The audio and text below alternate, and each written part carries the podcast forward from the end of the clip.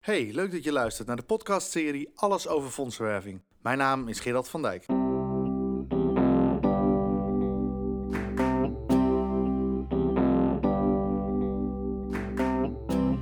Je luistert naar een podcast van Krantio Fondsenwerving. Ik kom regelmatig mensen tegen die bij het woord fondsenwerving een vies gezicht trekken. Meestal gevolgd door iets als: Dus jij troggelt mensen geld af. Of irritant die lui die onder etenstijd bellen. Of ik hou niet van leuren en zeuren. Ik ben er inmiddels al aan gewend dat sommige mensen zo reageren. Het zal je niet verbazen dat ik me niet kan vinden in hoe deze mensen kijken naar fondsenwerving.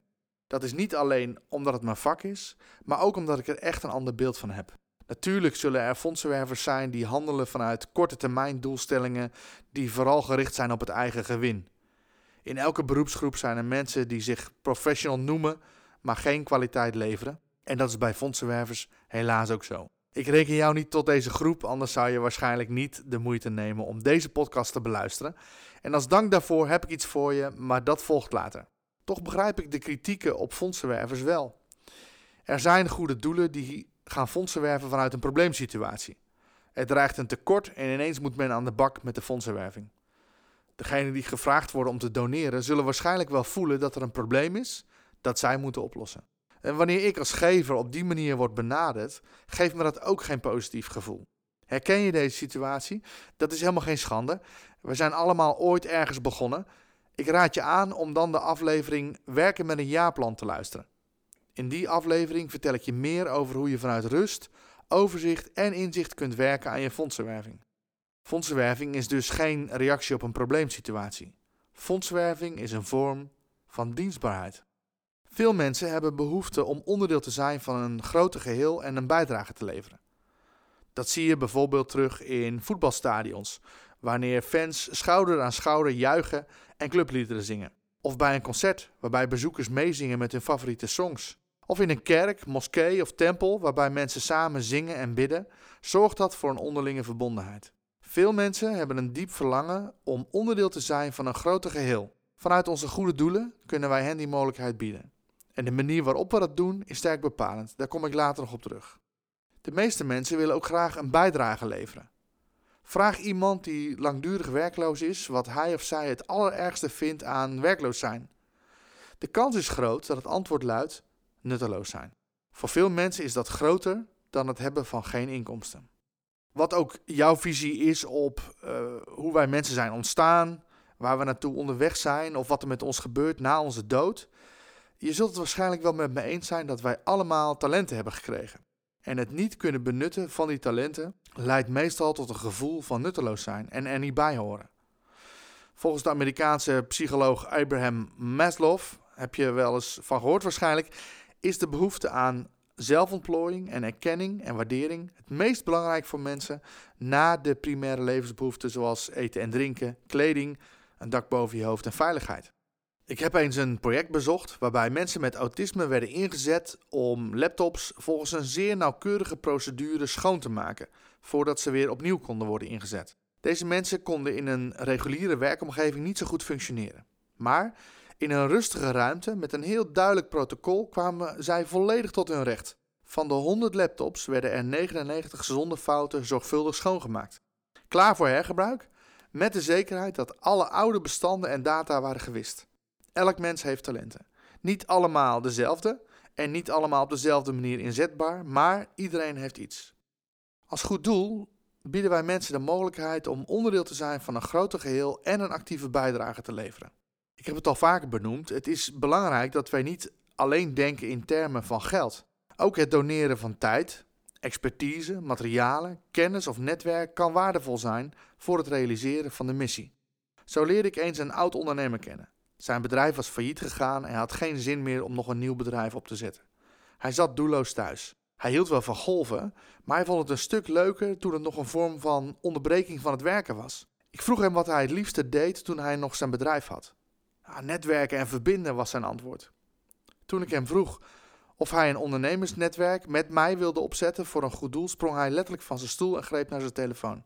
Dat ga ik doen, zei hij, en zijn ogen begonnen te glimmen. Het werd een langdurige en succesvolle samenwerking. En waarom? omdat we deze man een mogelijkheid gaven zijn talent in te zetten voor een hoger doel en zo een bijdrage te leveren. Geld had hij niet. Vragen om een donatie was voor ons allebei op een teleurstelling uitgelopen. Maar hem te activeren in iets wat hij leuk vond, was de eerste winst. Het netwerk dat we samen hebben opgezet heeft vele duizenden euro's opgeleverd voor arme mensen in Afrika. En we hebben er samen vele gelukkige momenten aan mogen beleven. Fondsen werven is daarmee precies het tegenovergestelde van leuren en zeuren. Bedelen, geld aftroggelen of hoe mensen het ook maar willen noemen. Fondsenwerving is mensen de mogelijkheid geven om onderdeel te zijn van een geweldige missie en een bijdrage te leveren in welke vorm dan ook. Ik was eens op reis met een groep ondernemers in Ethiopië. Terwijl we op bezoek waren bij een project dat vrouwen helpt om hun eigen bedrijf te starten, ving ik een gesprek op tussen twee mannen. Zonder te willen opscheppen, zei de ene ondernemer tegen de andere: Weet je, ik heb al heel wat witte stranden gezien in mijn leven, op verschillende continenten. Ik denk niet dat er nog stranden zijn die echt indruk op me zullen maken. En ik heb de kans gehad om de mooiste auto's te rijden en ik heb ervan genoten. Maar als ik hier sta, bij een project waar we echt een verschil kunnen maken voor vrouwen in kwetsbare situaties, ja, daar gaat mijn bloed weer stromen. En hier wil ik een bijdrage aan leveren. Deze ondernemer had ontdekt dat het kunnen voorzien in de behoeften van een ander een vorm van geluk is dat door weinig andere vormen is te evenaren. Ik als fondsenwerver was dankbaar dat ik hem de mogelijkheid had kunnen geven om onderdeel te worden van dit project. En niet trots, begrijp me goed. Hij had zelf de keuze gemaakt. Maar ik was met hem in contact gekomen en voelde de vrijheid om hem te vragen om betrokken te raken bij deze vrouwen. Dit helpt mij om altijd vrijmoedig te vragen. Ik vraag het namelijk niet voor mezelf. Ik vraag het voor een project dat het verdient om gesteund te worden. Het is ook altijd goed dat je als fondsenwerver zelf ook geeft aan de organisatie waar je voor werkt. Meer hierover vind je in de aflevering waarom fondsenwervers geen donateur zijn van hun eigen goede doel. En je vindt het op iTunes, SoundCloud of Spotify. Daarnaast weet ik dat het voor sommige mensen waarde toevoegt aan hun leven wanneer ze betrokken raken bij een project. Welke mensen dat zijn, weet ik niet van tevoren. Het is ook niet aan mij om die keuze te maken. Mensen mogen zelf de keuze maken om wel of niet aan te haken in welke vorm dan ook. Zolang je mensen ruimte geeft, kan je heel wat aan ze vragen. Wil je meer weten over hoe je de vraag om steun kunt stellen? Ik weet dat veel fondsenwervers dat lastig vinden. Luister dan ook eens naar de aflevering over waarom is de vraag stellen zo lastig. In deze aflevering zit ook een interview met Dr. Laura Fredericks, die onderzoek deed naar waarom we het soms zo lastig vinden om andere mensen om steun te vragen. Het geven van geld, tijd en expertise, materialen is een proces. Kijk maar naar kinderen. Als ze nog heel klein zijn, hebben ze geen idee wat het bezitten van spullen inhoudt. Ze maken spullen van zichzelf en anderen kapot zonder dat ze er erg in hebben wat het effect daarvan is. Als ze ietsje ouder zijn, ontdekken ze wat van mij is. En vaak is het dan heel lastig als andere kinderen met hun speelgoed willen spelen. En toch is het een gezond proces dat ze doorlopen. Je moet namelijk eerst leren wat bezit is, voordat je kunt leren om te delen. Zo ging ik eens op reis naar Kenia. Mijn oudste zoon was toen vijf jaar oud. Hij wilde weten wat ik in Kenia ging doen. Dus ik legde hem uit dat ik geld wilde inzamelen voor arme mensen daar en dat ik mensen mee op reis nam om met eigen ogen de projecten te zien. En dat zette hem aan het denken. De volgende dag kwam hij met een paar van zijn speelgoedautootjes aan. Die moest ik meenemen voor arme kinderen in Kenia die geen speelgoed hadden. Ik kon een traantje niet onderdrukken. In voorbereiding op mijn reis stonden de koffers klaar op onze slaapkamer. En hij had zijn bijdrage erbij gezet. Maar de volgende morgen kwam hij ze weer ophalen, want ineens had hij bedacht dat zijn auto's niet meer terug zouden komen en dat kon hij niet aan. Althans, nog niet. In de daaropvolgende dagen verplaatsten de autootjes zich een aantal keren tussen zijn kamer en mijn koffer.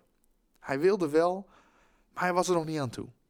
Uiteindelijk gaf hij ze mee en ik heb ze uitgedeeld aan arme kinderen zonder speelgoed. Eenmaal thuis liet ik hem de foto's zien en de blik in zijn ogen zal ik nooit vergeten. Je ontmoet mensen die er nog niet klaar voor zijn om hun bezit te delen. Wees je hiervan bewust en gun mensen de ruimte voor hun eigen proces. Misschien wel hun spirituele reis. Kijk of dat er andere vormen zijn waarop ze al wel betrokken kunnen raken. Het is een ontdekkingstocht die soms tijd vraagt en niet altijd succesvol afloopt. Dat is niet erg. Neem dat risico. Want al zou maar één van de tien mensen ontdekken wat de vreugde van geven is, dat zou voor mij de moeite waard zijn om ze alle tien de nodige tijd en aandacht te geven. Voor mij schuilt hier spiritualiteit in. Het is een geheim wat ik zelf heb ontdekt in mijn leven en ik heb het ook bij anderen mogen zien. Voor ik fondsenwerver werd, werkte ik in de IT. Ik heb dat 12 jaar met veel plezier gedaan. Maar ik ontdekte bij mezelf dat het halen van targets en bonussen me geen echte voldoening gaf. Via een proces van anderhalf jaar kwam ik uiteindelijk terecht in de goede doelensector. Met knikkende knieën, dat geef ik eerlijk toe. Het was een aardverschuiving. Van de harde IT-sector naar de zachte non-profit. Maar ik ontdekte stap voor stap dat resultaatgericht werken voor een hoger doel met andere aandeelhouders me veel meer voldoening gaf. En ja, het is ook een baan. Ik heb een hypotheek en ik ga op vakantie. En ik ken ook soms niet zulke leuke mensen waar ik dan wel mee moet samenwerken. En ik heb wel eens een rotdag. Dus het is geen voorportaal van de hemel of zo. Ik heb het idee dat mensen dat soms wel eens denken als ik vertel over mijn werk. Alsof je dan geen stress hebt en alle dagen mooi en fijn zijn. Nou, het is vaak hard werken om met weinig middelen tot een maximaal resultaat te komen.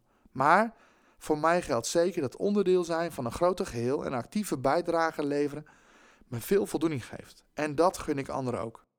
Dus mensen vragen om actief betrokken te raken, zie ik als een daad van dienstbaarheid.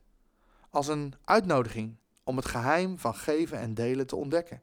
En of dat mensen die uitnodiging ook aannemen, dat is aan hen. Ik geef hen die ruimte ook. Ik beslis niet over hun proces en bij welk project ze wel of niet betrokken willen zijn. Dat geeft mij ontspannenheid en vrijheid om de vraag te stellen. En ik ben ervan overtuigd dat anderen dat ook aan mij merken wanneer ik er ontspannen in zit. Ik hoop dat deze podcast jou ook helpt om vanuit spiritualiteit te kijken naar fondsenwerving. En dat het je helpt om vanuit die houding uh, ontmoetingen aan te gaan met mensen die je mag uitnodigen om onderdeel te worden van de geweldige missie van jouw organisatie. En delen is vermenigvuldigen, daar geloof ik in. Daarom wil ik ook graag met je delen als dank voor het luisteren naar deze podcast. Zoals je misschien wel weet, geef ik een e-learning fondsenwerving uit. Dat is een online videotraining van allerlei onderwerpen die met fondswerving te maken hebben. Een aflevering kost normaal 97,50 euro. Maar ik wil het graag met je delen voor niets. Dus kies een aflevering uit die je aanspreekt en gebruik de code DELEN. En ontvang die aflevering helemaal gratis. Het enige wat je moet doen is ga even naar de website www.grantiu.nl. Maak even een gratis account aan en gebruik de code DELEN bij je bestelling. Ontzettend bedankt voor het luisteren. Veel plezier en succes met je fondsenwerving. En heel graag tot een volgende keer. Voor meer informatie ga je naar grantioe.nl.